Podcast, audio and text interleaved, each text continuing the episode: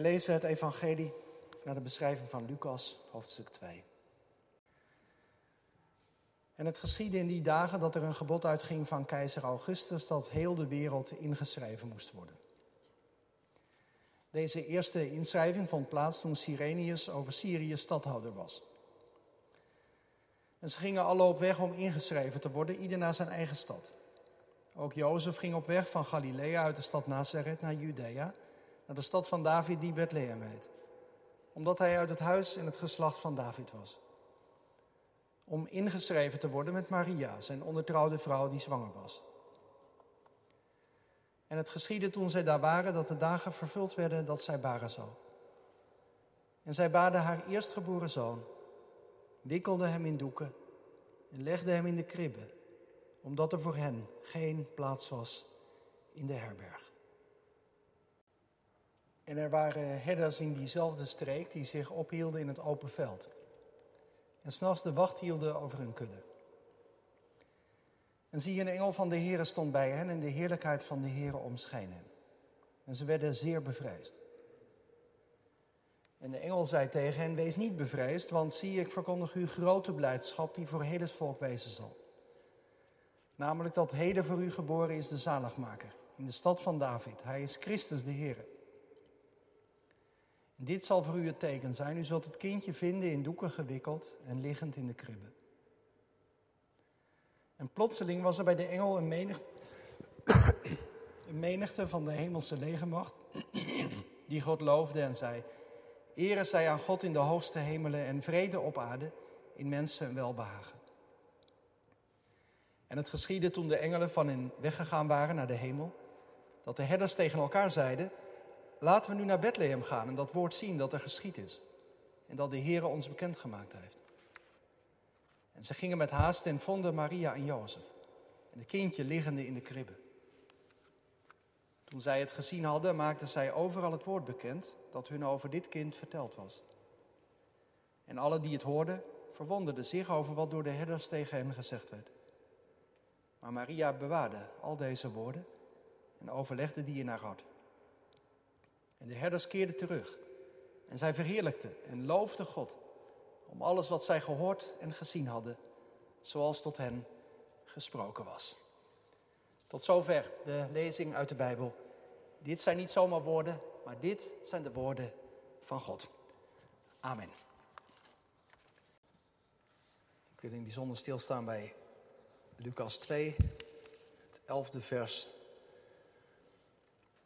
En ook vers 10, wat daar staat, waar de engel zegt: Wees niet bevreesd, want zie, ik verkondig u grote blijdschap die voor het volk wezen zal. Namelijk vers 11, dat voor u heden geboren is de zaligmaker in de stad van David. Hij is Christus, de Heer. Broeders en zusters, gemeente van Christus. En het geschiedde in die dagen dat er een gebod uitging van keizer Augustus dat heel de wereld ingeschreven moest worden. Deze eerste inschrijving vond plaats toen Cyrenius over Syrië stadhouder was. In twee zinnetjes zet Lucas ons als het ware midden in de wereldgeschiedenis neer. Het gaat over een decreet van een groot machthebber. Een machthebber die grip wil hebben op de mensen. En daarvoor moet alles worden vastgelegd. Mensen worden geregistreerd, bezittingen worden geteld. En om dat allemaal mogelijk te maken, komt er een hele grote migratiestroom op gang. Je kon je daar niet aan onttrekken. Iedereen moest gehoorzamen.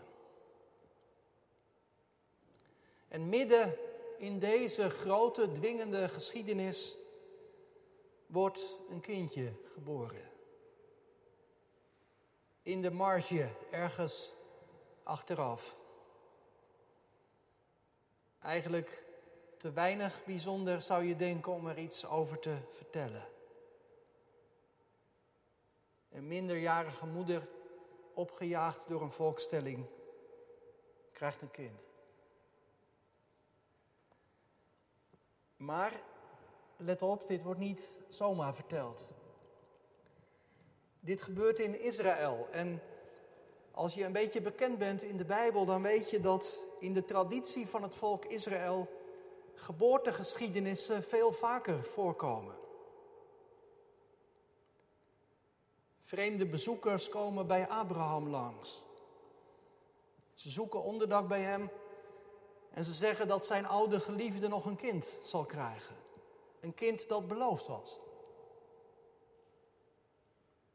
Of in de dictatuur van Egypte zijn er een leviet en zijn vrouw die hun eerstgeborene krijgen. En dat kind zal geroepen worden en een bevrijder worden. Want God dacht aan Israël, Mozes. En nog weer later op de dorsvloer van Manoah, midden in een tijd van guerrilla en wanhoop, bezoekt een engel wanhopige ouders, die weinig meer kunnen geloven, die onvruchtbaar zijn. En de engel belooft hen de geboorte van een kind. Ook in de aanloop naar deze geboorte die wij vandaag vieren, is al op allerlei manieren duidelijk gemaakt, dit is niet zomaar een geboorteverhaal. De afgelopen weken hebben we hier in de kerk Lucas 1 gelezen. En alles in dat hoofdstuk wijst er al op dat door de komst van dit kind God iets heel bijzonders gaat doen.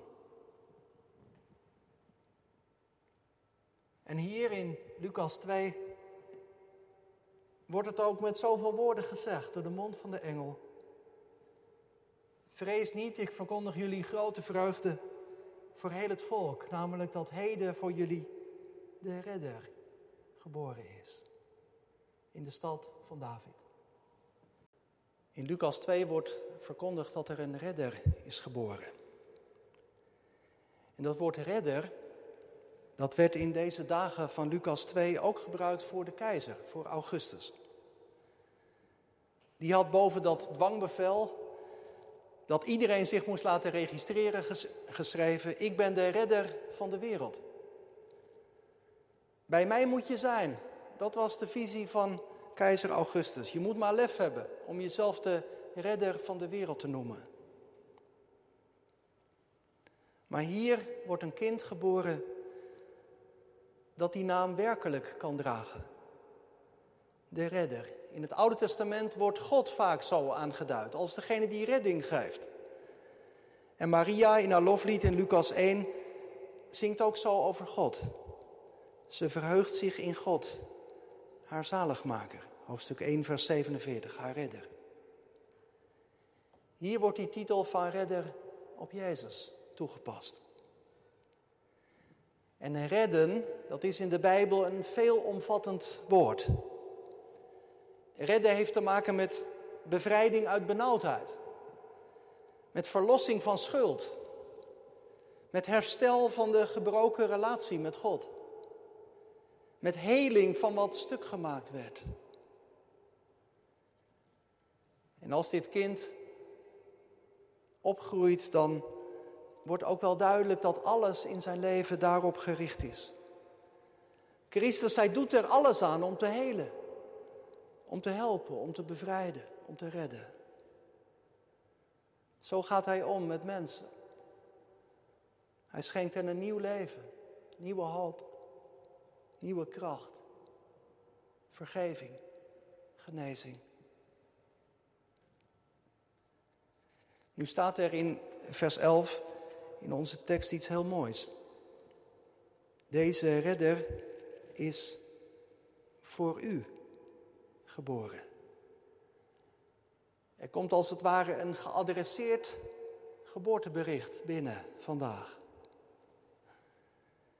Kijk, er worden dagelijks duizenden kinderen geboren. En van de meeste van die kinderen weten we helemaal niet waar en wanneer ze precies geboren zijn. Dat hoeft ook niet.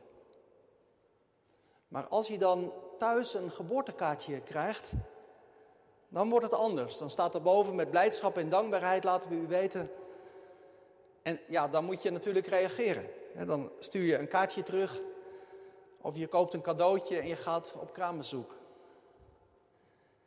Het zou eigenlijk te gek zijn om niets van je te laten horen. In Lucas 2 wordt gezegd: Voor u is de verlosser geboren.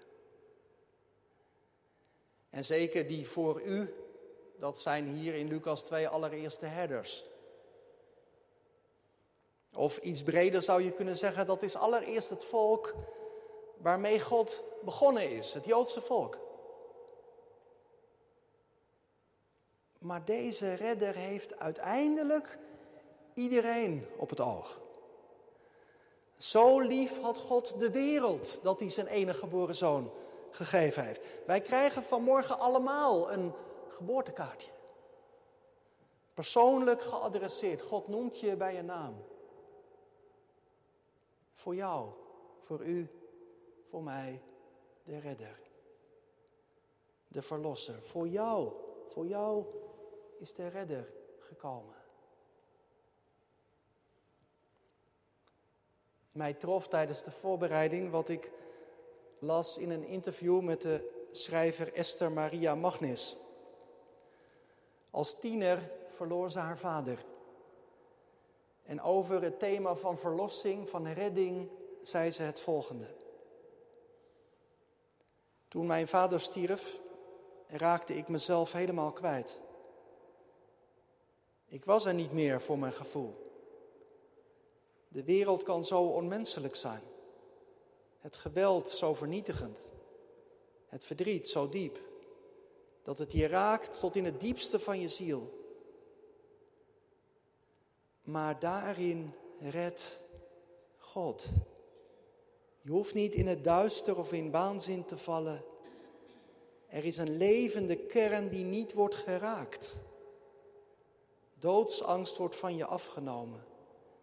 Dat is een zeldzaam bevrijdende ervaring. Er is een levende kern die niet wordt geraakt. Zou dat niet, gemeente, het allerdiepste zijn wat je over verlossing, over redding kunt zeggen? Dat je in alles wat er in je leven kan gebeuren, in alle pijn, in alle ellende, in alle verdriet, in alle rouw, dat je ten diepste in dat alles veilig bent. Veilig in Jezus' armen. Dat je gered bent van de diepste duisternis. Van de grootste schuld en dat je daarom toch hoop kunt hebben. Hou vast. De Verlosser, de Redder is geboren. Dat is wat wij vandaag vieren.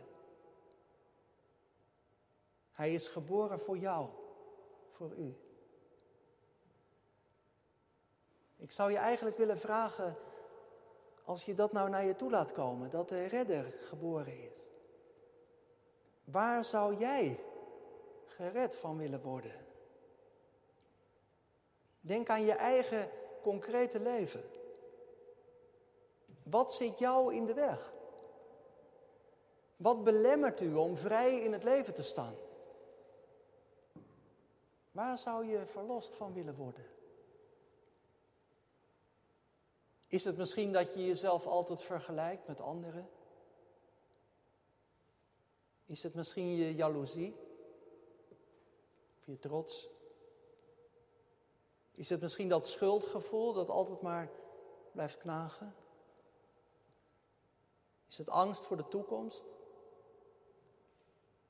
Angst om ziek te worden? Angst voor de dood?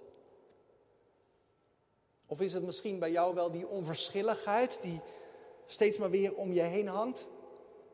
Of welvaart die je in zekere zin lui gemaakt heeft? Een leugen waarin je leeft, maar die je steeds maar weer wegdrukt? Een karaktereigenschap? Waar zou, waar zou jij verlost van willen worden? Misschien denk je gelijk, ik weet niet, ik weet niet of dat nou zo'n reële vraag is. Ik vind het eigenlijk heel moeilijk om te geloven dat Jezus de dingen werkelijk anders kan maken. Maar dat is precies wat wij vandaag vieren.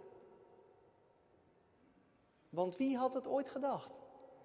Dat God zelf midden in de nacht in een verstikkend regime geboren zou worden. Wie had daarop gerekend? En toch is het waar. Zo dichtbij komt God. Hij gaat als het ware voor je door de knieën. Hij vernedert zich voor je. Geen leven is voor hem te schuldig of te schamel. Midden in jouw werkelijke leven word je vandaag vastgepakt en bemind. Wat zou je eraan hebben als we van allerlei mooie dingen over God zouden kunnen zeggen, maar dat het op geen enkele manier een relatie had tot jouw leven? Echt. Zo zeker als Christus mens is geworden. Zo zeker kan en wil Hij de dingen in jouw leven echt anders maken. En zeker, zeker, dat is vaak een hele weg. Wij worden niet zomaar verlost van onze angsten, van onze boosheid, van onze luiheid, ons schuldgevoel, onze trots. Maar dit is wel wat Christus door zijn geest in je leven wil uitwerken. En ik denk dat het daarmee begint, dat je het tegen hem zegt. Dat je het bij hem neerlegt en zegt, zie hier ben ik. Met mijn trots, met mijn jaloezie, met mijn schuldgevoel, met mijn angst, mijn pijn, mijn verdriet. Wilt u de dingen in mijn leven in een ander licht zetten? Wilt u ook hierin mijn verlosser zijn? En dat, dat betekent volgens de engel nu grote vreugde. Kerst is het feest van de grote vreugde, omdat Christus echt de Verlosser is. Ik heb deze week in de app van de Sint-Jansgemeente gevraagd: wat, wat betekent dat nou eigenlijk voor jou? Dat kerst een feest is van grote vreugde. Daar werden mooie dingen over gezegd. Iemand zei dat betekent voor mij dat er altijd de mogelijkheid is voor een nieuw begin. Dat geeft mij grote vreugde. Iemand anders zei dat God soms zomaar opeens de sleur doorbreekt. Dat hij de dingen in een nieuw licht zet. Wat een vreugde is dat. Nog weer iemand anders zei het feit dat de hoge, de heilige God zich voor mij neerbuigt. Dat hij dichtbij komt. En nog weer iemand anders, de schepper van het heelal, die als een babytje naar ons toe komt. En zo een bodem onder mijn bestaan geeft. Grote vreugde. Ik dacht, wat zou het mooi zijn om daar misschien op deze dag ook iets van te delen met elkaar, met die, met die paar mensen die je ontmoet. Waarom is kerst voor u en voor jou een grote vreugde? Waarom vieren wij vandaag feest en wat betekent dat voor jou? En zeker natuurlijk, wij, wij vieren dit jaar anders dan anders. Misschien kun je voor je idee niet echt feest vieren. Wij missen de ontmoeting hier in de kerk. En dat is best heel pijnlijk en verdrietig.